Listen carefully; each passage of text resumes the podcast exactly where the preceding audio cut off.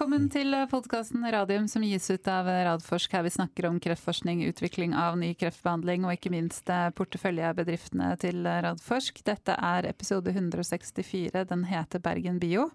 Det er fremdeles 17. februar, men klokkene er blitt 14. Velkommen tilbake, Jonas Einarsson. Takk skal du ha, Elisabeth. Du rakk møtet ditt. Møtet er unnagjort, så alt er i orden. Alt er i orden. Har, har hatt en liten tett-a-tett med min kollega Anders Tuv, så nå har vi lagt skumle fremtidsplaner. Ja, men det høres bra ut. Jeg pleier å like det når dere legger skumle fremtidsplaner. Jeg la en plan selv med Anders i stad, og det var at hvis det blir Arendalsuka i år, så kan han ikke snike seg unna. Han skal komme ned hit. Ja, veldig bra. Veldig bra. Veldig bra. Ja, så nå er han forberedt. And uh, then it's very nice to say uh, hi to uh, Richard Godfrey, the CEO of uh, Bergen Bio. Hi, Richard. Hi. hi, Elizabeth. Hi, Jonas. Nice to see you, hear you again. You too. How are things in Bergen? Very good, actually. We've had a really nice winter, and um, yeah, the big thaws coming in, but uh, it's been a really good winter. Mm -hmm. A little bit, little bit different working from home.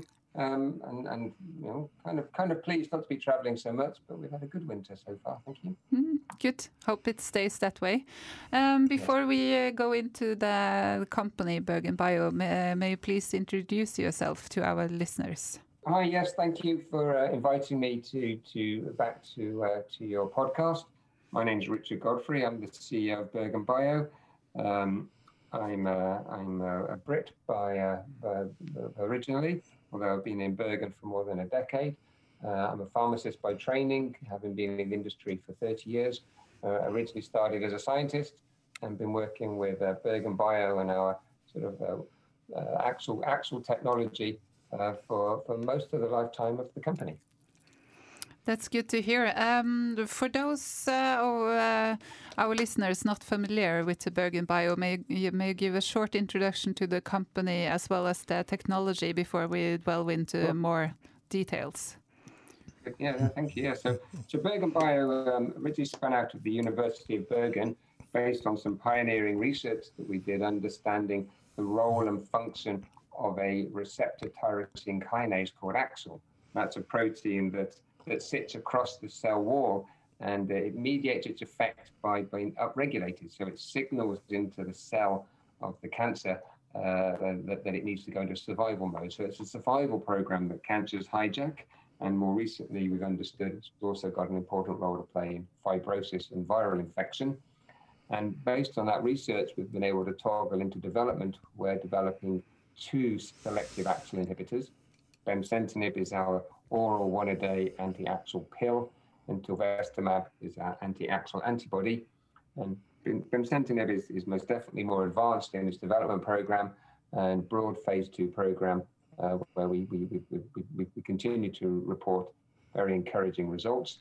Uh, we also develop biomarkers with the hope of having a companion diagnostic one day so that we can then select patients that will benefit.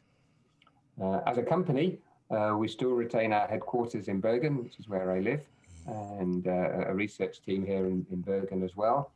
Uh, but the vast majority of our organisation is based in Oxford in the UK, who are helping us with our clinical development program. Hmm.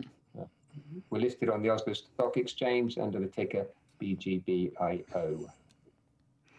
And uh, I know that you're experiencing uh, very exciting times with uh, both the, the clinical oncology uh, program that you have, but also with uh, the COVID 19 uh, studies. Mm.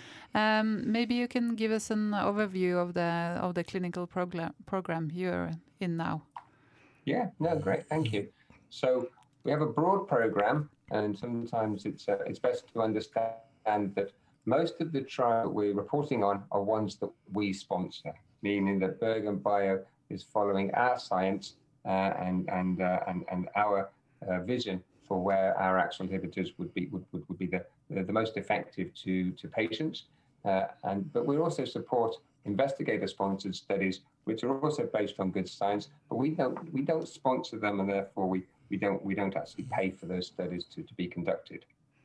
Our, our sponsored trials are in acute myeloid leukemia, in myelodysplastic syndrome and in lung cancer. Also, we're also testing, as we say, bemcentinib in COVID 19 patients, and we are progressing the development of our anti AXL antibody. Um, in we've been quite um, um, tactical in designing our clinical trial strategy, looking for patient populations that really do represent an unmet medical need. Of course, that's that's everyone's ambition. So in leukemia and in myelodysplastic syndrome, we're targeting patients in a second line setting, patients who have failed their first line treatment and really don't have any treatment options open to them. And these patients have a terrible, terrible uh, uh, prognosis, you know, maybe sort of four months or six months survival outlook.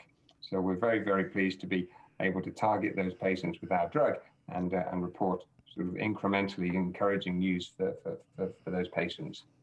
And similarly, in non-small cell lung cancer, we're, we're addressing the, the, the ever-growing patient population, which are ones who have failed the combination of chemo and immune oncology agents in the first line, and again, have no real, real treatment options in the second line. And again, we continue to report encouraging, encouraging news for those patients. Um, in COVID, uh, we, we're, we're treating patients who are in hospital who have a, a, a to severe disease, but not but not yet in the intensive care unit. And of course, those patients are just taking bemcentinib once a day, just for a short period of time. And our objective there is to see that they get better quicker, and indeed to look for a whole host of key secondary markers, such as reduction in viral load or oxygen-free days and, and things like that. So a broad program really looking for patients with an unmet medical need and I say we're very pleased that we keep, keep reporting very encouraging data. Hmm. That's good uh, to hear. Um, what uh, data are you awaiting now? Okay, so in our leukemia studies, uh, again, these patients in, uh, are ones who have a very poor outlook. We're really looking for the overall survival data to be mature, meaning that we have a median overall survival data, because that's the confirmation that we need that we can we can really get, have, have courage to go into a, a larger phase three or registration study, knowing that if we were to have the same data output, we, we would we'd, we'd, we'd, we'd have a would have a meaningful uh, data set that could secure approval and, and marketing authorization. Um, similarly, in non-small cell, um, you know, I guess to be to be completely honest, uh, that, that patient population has been quite difficult to recruit in the last 12 months, primarily because of reluctance to, uh, to, to, to, to, go back to hospital and, and be part of clinical trials. But nonetheless, we have recruited patients and we continue to report out good data there. And again, we're looking really for survival benefit um, uh, rather than uh, rather than anything else. So, so that data is rolling in, but it takes a while. And as I mentioned earlier, the, the, the data point for the COVID trial is, is, is you know, that, that you know, regrettably, you know, that study is recruiting recruiting well. So we should be able to confirm that the patient is, uh, that the, the study is fully recruited. And then relatively soon after that, we should have some top line uh, data on whether or not bemcentinib is helping those patients in their, in their recovery from the disease. Hmm. Uh, Jonas, uh, there's been a while since we had uh, Richard here in in the studio, as he said. Uh, what do you think about uh, progression that Bergen Bio is doing?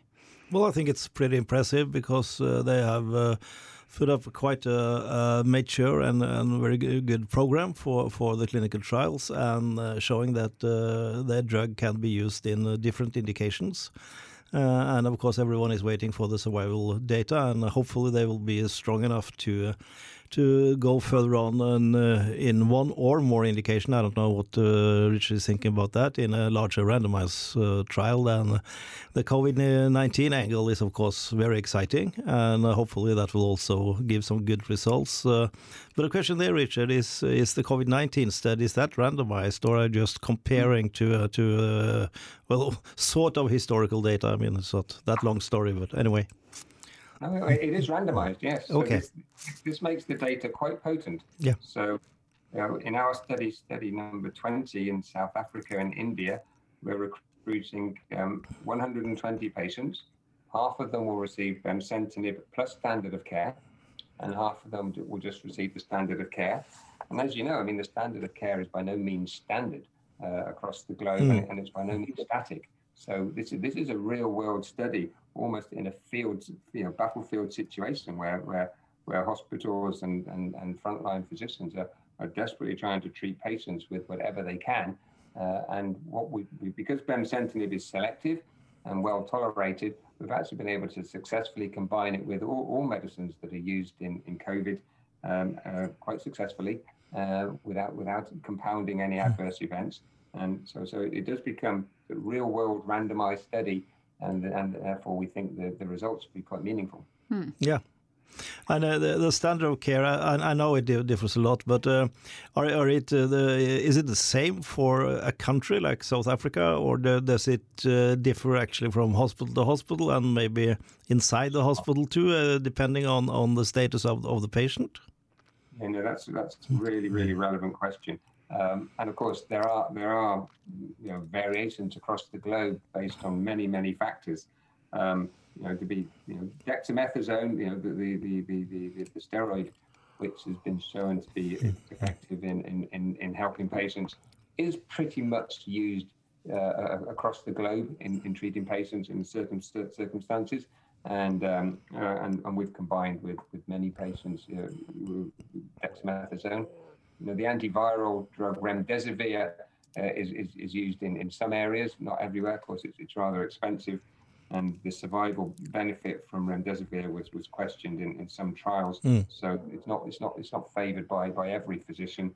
And then some of these newer treatments that have come along, such as the IL-6 inhibitors, they're, they're, they're still not in wide distribution. Um, but again, we, we, we know that bemcentinib can be can be used in combination with those drugs. So, it, but then, and there's the other things as well, and that's things like the use of oxygen. You know, we're, we're learning as a society, as a medical practice, how, how to treat and, and, and, and read the symptoms of COVID patients. Um, so what we've also seen, of course, is that you know, patients were brought into hospital sort of at, early signs and they were monitored, and, and, then they may or may not have been given oxygen. Um, you know, we're now also seeing patients being discharged with oxygen. So, you know, the, um, the because they're confident, you know, the, the, the attending physician is confident that these patients will will will, will recover. They just need to have the, uh, the, the, the, security of having an oxygen tank if they if they become sort of low saturation. Mm. So we are seeing changes across across the uh, across the studies. You know, we're doing the study in South Africa, India, but also almost identical protocol in the UK. Um, and so there is there are differences between the, the hospitals and the practice and also the pressures that are on the hospitals as well. Because least we forget, you know, there's also logistical pressures on on standard of care as well, releasing in, in, um, admitting patients and releasing them depending on the availability of hospital beds. Hmm. all of these things are, are, are, important factors when when treating a, a disease in a pandemic situation. Yeah, I understand. Um, good. Uh, moving over to finances. So, what uh, is the financial situation for BerGenBio, and what uh, what is the strategy for the company going forward?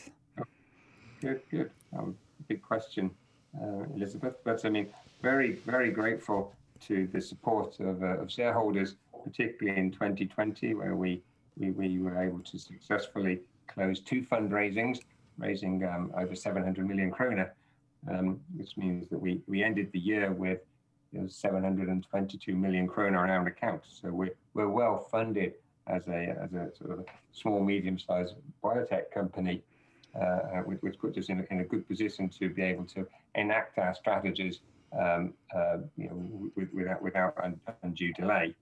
Um, you know, um, clearly, as we as we progress from from these phase two signal hunting studies to, towards a phase three registration study, the, the trials will be larger um, and, and, and more demanding. So we've continued to build out our organization and hiring sort of new expert uh, professionals to, to join our team, uh, particularly in the UK. Um, so our, our sort of labor costs and organization costs have increased um, ahead of um, preparing and, and um, starting some, some larger trials and you know, those trials will be will be larger and will be more expensive. So, uh, so we're certainly going to have to think about funding those as well.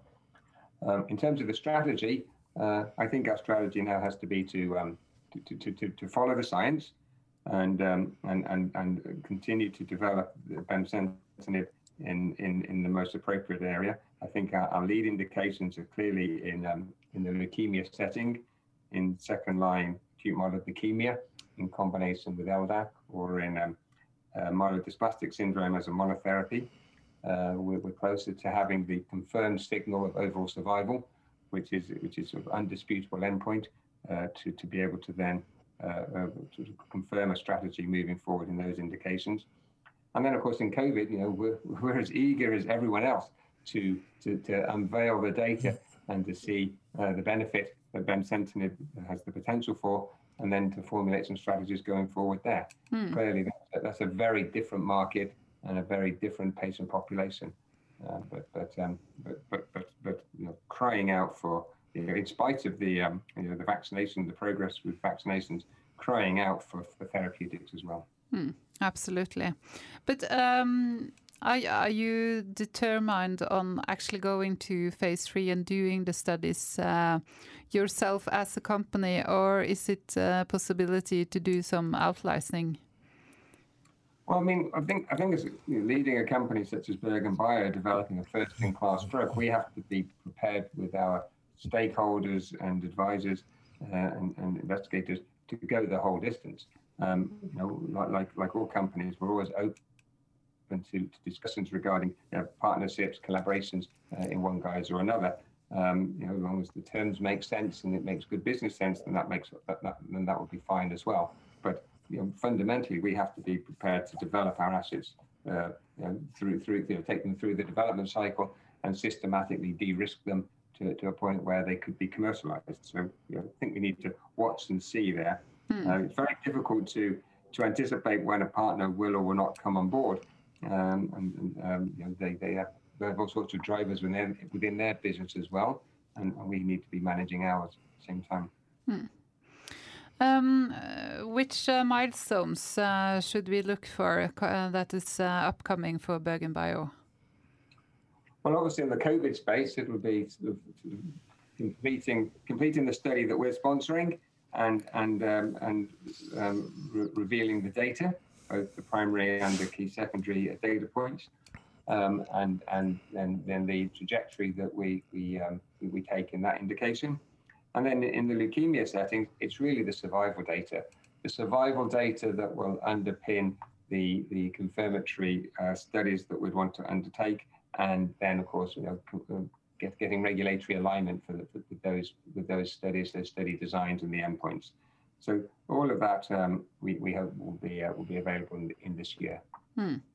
So an exciting uh, year when it comes to uh, news for you. Absolutely, yeah. Very big news points on the horizon, I think, for us. Hmm. Mm. That's nice to hear. Jonas, do you have a comment? Yeah, absolutely. I mean, this is sort of the, the crucial moments in in in the lifespan of uh, of a new biotech company is to, to, see when you when you really get data that you that is may, maybe not uh, from randomized studies, but it will absolutely make the uh, the basic fundament uh, to go forward or not. And uh, but hopefully, and I really believe that uh, BergenBio will get this this kind of data now. So it's an exciting year, yeah. Mm. And what I'll just add there, maybe just to illustrate the confidence that, that I have, and to remind, remind the listeners, is that uh, at the ASH Congress in December, whilst our survival data was immature, meaning that we haven't got to a medium point yet. We did report time on treatment and duration of response and duration of benefit.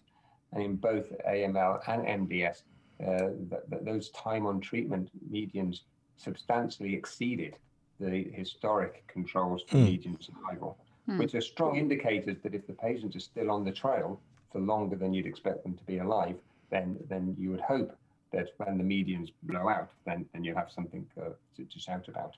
So that gives me uh, and the, the those that are analysing us and, and, and, monitoring us quite a lot of confidence, I think. Mm. Of course, you can't, you can't, claim success until you've actually reported that data and it's all fully cleaned and, and quality controlled, but the indications are all in the right direction. Mm. Yeah, that's a very, uh, very good signal for you there. Um, I have received so many questions from our listeners. I think we will just go through them uh, and then I mean, you haven't had a chance to see them. So if it's something that you can't or aren't able to comment on, then you just uh, state that. Uh, uh, so the first question is um, Is the fourfold improvement seen in the lung cancer study likely to be roughly double when you later will compare AXL plus given bemcentinib with AXL minus patients given bemcentinib? All right. Um, Well, we saw a fourfold improvement in progression-free survival. I'm just remembering the data. In progression-free survival in the checkpoint naive patients. That's right. We reported that last year, and this was uh, an all-comer patient population, so they were unselected for their AXL status. Uh, we can't select for AXL status yet because the biomarkers are not validated uh, to be used uh, for that yet. Would we expect to see a doubling of it? Well, we really don't know because we need to do that experiment. Um, whether what would be the outcome of treating an AXL negative patient with um, um, with this relative to an AXL positive hmm. patient? I don't think we can answer that question. To be honest, it's an experiment that we haven't done. Hmm. We, we, we, we, we've, we've, we've, um, we've looked at an all-comer patient population, um, and then we've done a retrospective analysis showing that the AXL negative patients do less well.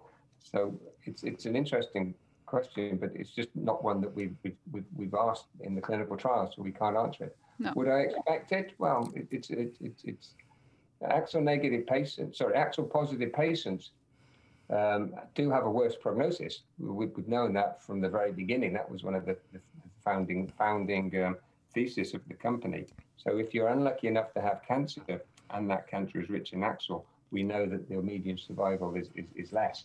Um, so, um, so, so you know, we hope that those AXL positive patients do seem to do a lot better when an AXL inhibitor is given to them. Hmm. And uh, another question: Is it likely we will see roughly triple increase in median progression-free survival or median overall survival for AML patients on R428?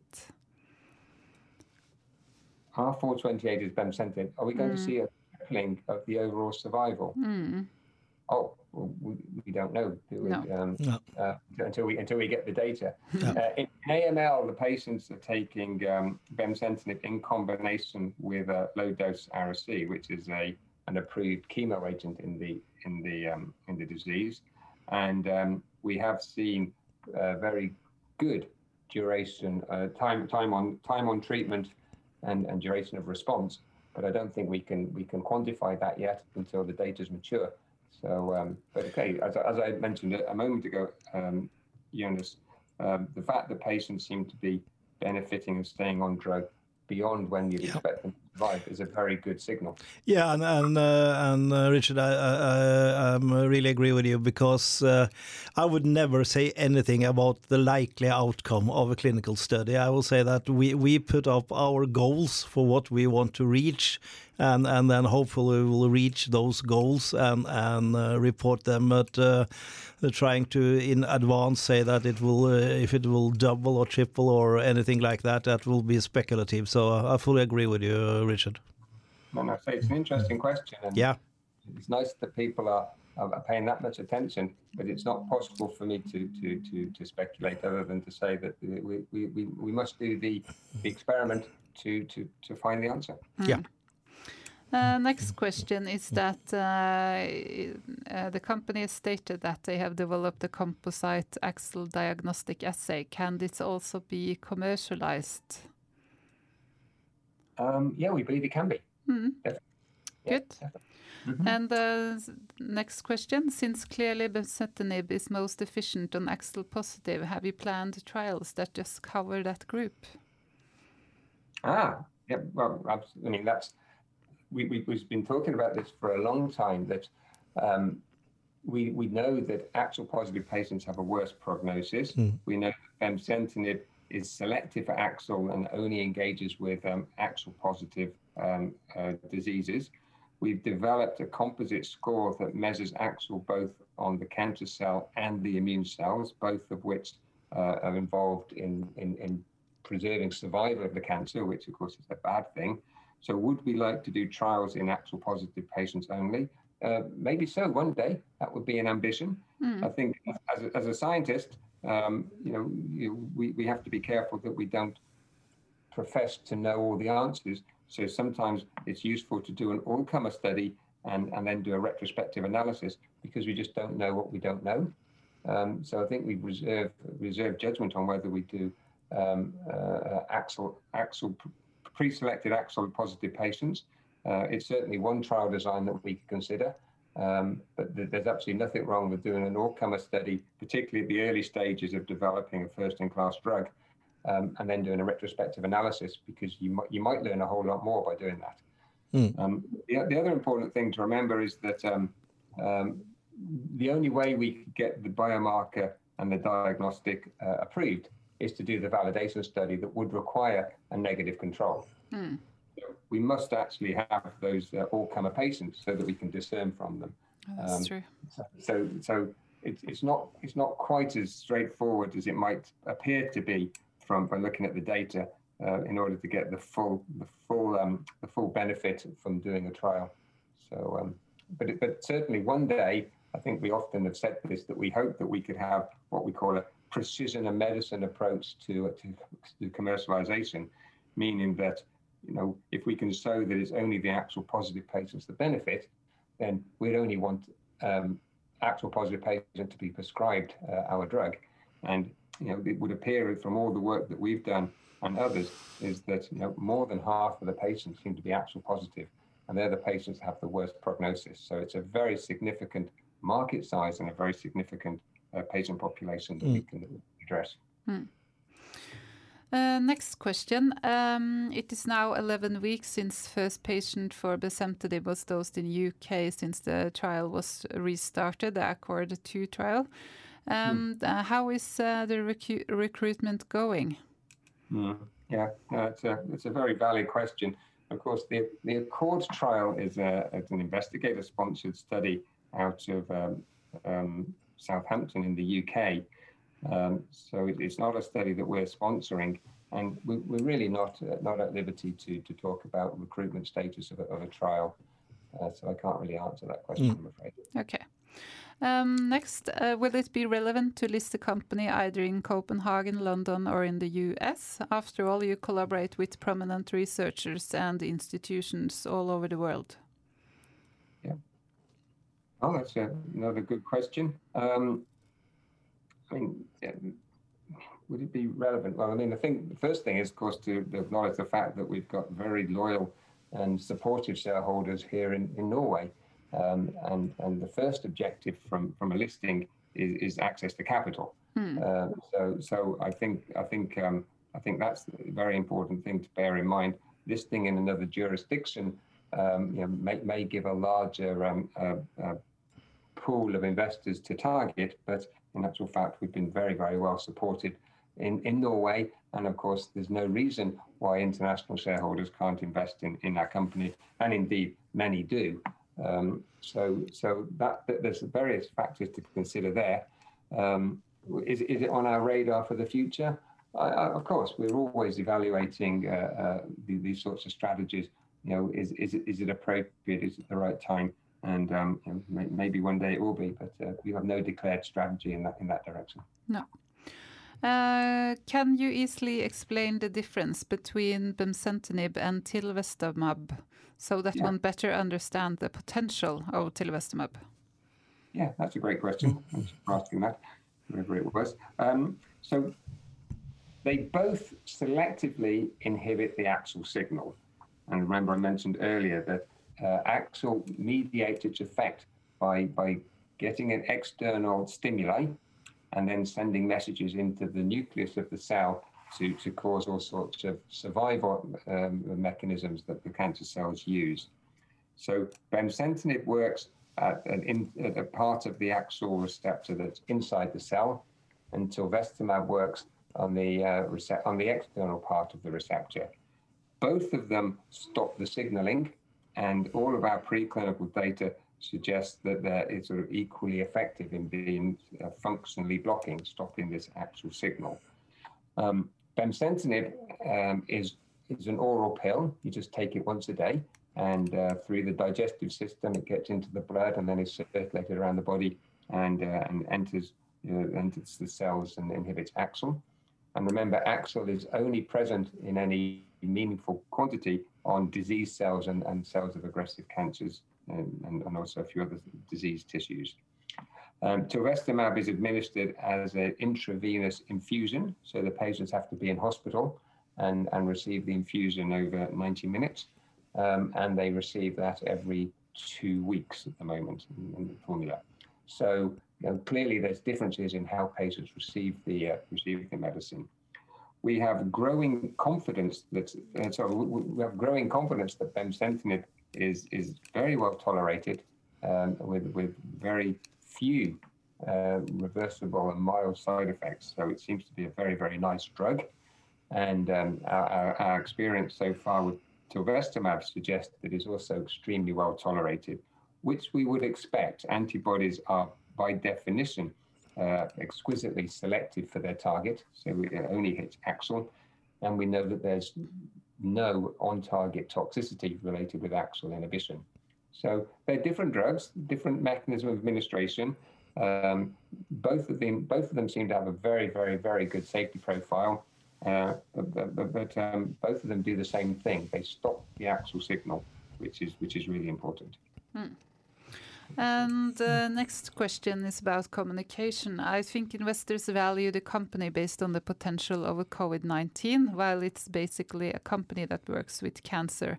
What communication strategy do you have for this in the future? I think I think I think it's the same. To be to be fair, I mean clinical trials um, require that we we we we have clinical trials that are based on robust science uh, that the, the, the, um, the, the, patient population is defined and controlled, and that the drivers through the research are clearly communicated. So the fact that we plan to pursue a trial, uh, the fact that we've defined a trial, we started a trial, the first patient enrolled in the trial, um, as, as far as possible, being transparent about where the trial is taking place, part of clinicaltrials.gov, uh, etc. And then, you know, when the last patient is enrolled, as a signal to, to suggest that data would be available, and then reporting that data. Uh, in the oncology studies that we're conducting at the moment, they are n- not randomized. Uh, they're open label studies so that we can provide interim interim read and interim data, um, which we which we do you know, typically two twice a year, two times a year. Um, the the study with um, in COVID is a randomized study, uh, so therefore, we do actually need to wait until that study is recruited, and then we can, um, uh, you know, uh, unblind it and do the analysis. Um, so the communication strategy is the same. The um, the COVID studies um, uh, uh, we would hope are, are more rapid in, um, in, in in concluding because the patients actually only take bemcentinib for, for, for 15 days, after which there's a 29 day follow up and then we then we have confidence that the, uh, the, the data has all been entered. The process then, just to remind everybody, is that you know we have to be sure that the data is complete and it's accurate. Uh, the worst thing we could do by way of communication in in in, in the study is is report out um, incomplete or inaccurate data and then have to re- recall that message and correct it. That would be very very disappointing for everybody. Mm-hmm. So we have to we have to be quite strong in our resolve here to ensure that all of the various scientists and hospitals and uh, doctors and data points have got opportunity to make sure the data is complete and accurate before we then stand up and, and, and, and, and, claim a result or otherwise. Hmm. Um, then it's one question about uh, production. Uh, one part of winning the race is having production facilities sold and ready when trials get approved. From an mm. article in the latest issue of The Economist, they describe that one bottleneck of vaccine production is the lack and shortage of GMP as a good manufacturing practice facilities. Mm. Um, does production of bemcentinib require GMP? Yes, yes, it does, of course. GMP stands for Good Manufacturing Practice, and it's the guiding principles that ensure that medicines are produced uh, consistently to the right quality standards. So, absolutely, we, we have to manufacture to GMP, and the standards uh, become increasingly stringent as we go from phase one to phase two to phase three and, and, and, and approval. And one of the things that we have to do in managing uh, a company and a program like like we do in BerGenBio is ensure that the manufacturing is one step ahead of the clinical, so that we produce medicines or produce bemcentinib of the right quality uh, uh, ahead of ahead of when we need it in the clinical trials. Mm. So a year or so ago, we announced that we had um, joined uh, or commissioned a firm called Piramal to, to help us with the manufacture of bemcentinib. It's a global firm where we have um, uh, some some some intermediates manufactured in India. We have the drug product made in Canada, and the, the, the product packaged and, and shipped from the UK. So it's a global supply chain where we are confident that it's made to the right quality standards for the stage of development that we're at now. And I've been quite clear in previous communications that we have scaled the manufacturing to be ready for um, late stage uh, clinical development and early commercial supply. Um, so absolutely, it must be made to the right standard, and it, it is a um, it is a huge huge component of, of, of what we're doing manufacturing uh, a new product like this. Hmm, good, and then uh, we are facing the last uh, questions here. Um, on a scale from 1 to 10, how pleased are you with the development of bemcentinib? oh, very, very pleased. Um, you have to say 12. well, Richard, Richard, Richard, has to keep his job, so he has to say 9, nine or 10. Okay. but I mean, I, I think it's, I mean, sure, I mean, 10, of course, 10, 11, 100. It's, you have to remember what we're doing here we're developing a whole new biology and developing first in class therapeutics that are addressing the, the, mechanisms by which cancer are able to survive, evade the immune system, and tolerate chemo drugs. So this is this is really fantastic science, groundbreaking technology, and really innovative medicines. And then on top of that, we're then carving out whole new clinical positions that are addressing massive unmet medical need this is this is really quite fantastic. Mm. motivates me every single day. And then least we forget, crikey, in COVID, mm. just remember what we're doing in COVID. You know, Wendy Maury and other collaborators who've been working with for quite some time now have identified. So she's at the University of Iowa. Uh, they've identified that the COVID virus uses AXL as a way of sneaking into the cancer cells and help, helping it be more effective, and then to switch off our immune system. Mm. And then the preclinical data that is present that is reported and presented, and indeed what we'll continue to present uh, at a CROI conference we just announced today, actually suggests that by inhibiting AXL with bemcentinib, we actually you know stop infection and reduce this uh, this dampening of the immune system. This mm. is really brilliant biotechnology that, you know, our scientists have, have, have unraveled and, and, and, put together a program behind. Mm. Uh, how do you see the use of uh, AXL inhibitors in the future? Oh, well, that, that's really good because I, I, think I think, and I've been saying for quite a long time, quite bold statement uh, uh, that I actually can imagine bemcentinib and, and AXL inhibitors being the cornerstone or the foundation of cancer therapy into the future. Rather than trying to kill the cancer cells with chemo agents or, or, or promoting our immune system you know, isn't it much better to stop the cancer cells from surviving and then letting the, you know, either the chemos or the immune system work even better? And that's the foundation that we're working on. By inhibiting AXL, you stop the cancer cells from surviving, and so you can then clear them with a, a, mobilized immune system or, or, or chemo agent.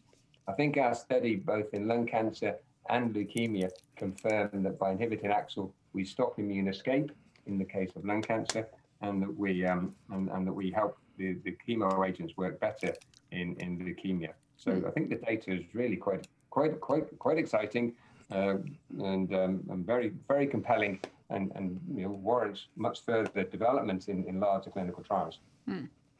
And last question, uh, where do you see bemcentinib and BerGenBio in 10 years' time? Well, I'm, I'm, I'm very confident that bemcentinib will, uh, will, will, will, will, will, progress through clinical developments.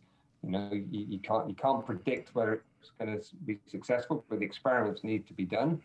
Um, I think the BerGenBio is in a very, very unique position in that we have two very nice looking drugs in development uh, behind this pioneering biology. So I think, you know, in terms of shots on goal and risk, risk um, uh, de-risking uh, an investment in a company, I think we're very, very well positioned.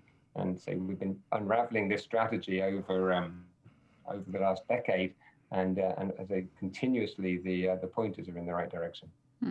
Good. Do you have a final comment, Jonas? Yeah, I- I think it was very good, Richard, to get this uh, this update because uh, I'm not able to follow BerGenBio as closely as I do do with the, the other uh, companies that we are directly involved in. But I have followed BerGenBio from its its very beginning, and uh, I've always said that it's it's really based on brilliant science, and it is is actually easy to understand the rationale behind what you are doing, both in your, your clinical trials in oncology and also what you mentioned. Because I'm going to ask you, but you mentioned it already, that you you you actually know why and how bensitovimab should work in in the COVID-19 situation, and it's not just a blind shot. It's it's really following a brilliant scientific hypothesis. So uh, yeah, it's uh, it's uh, very good to get the get the update, and and uh, I think a lot of companies uh, envy uh, your uh, very very good investors that really follow you up, and and uh, I love it. It's a, it's a Norwegian base, and hopefully you will keep your company in in Bergen, though you are going to major in in the future. So thank you for the update. No, thank you for those kind words as well. So it's very, very, very exciting times for us. Sounds like it, and uh, we lo- love to follow the news that will come uh, this year, as you said, and then uh, we will have you back in the studio. Very good. Yeah, I look forward to that. Mm. Definitely. Thank you very much Yeah. indeed. Thank you so much for the update, and continue to enjoy the winter in Bergen. Thank you both. Okay, Bye. bye. Bye bye. Thank you. Cheerio. Bye.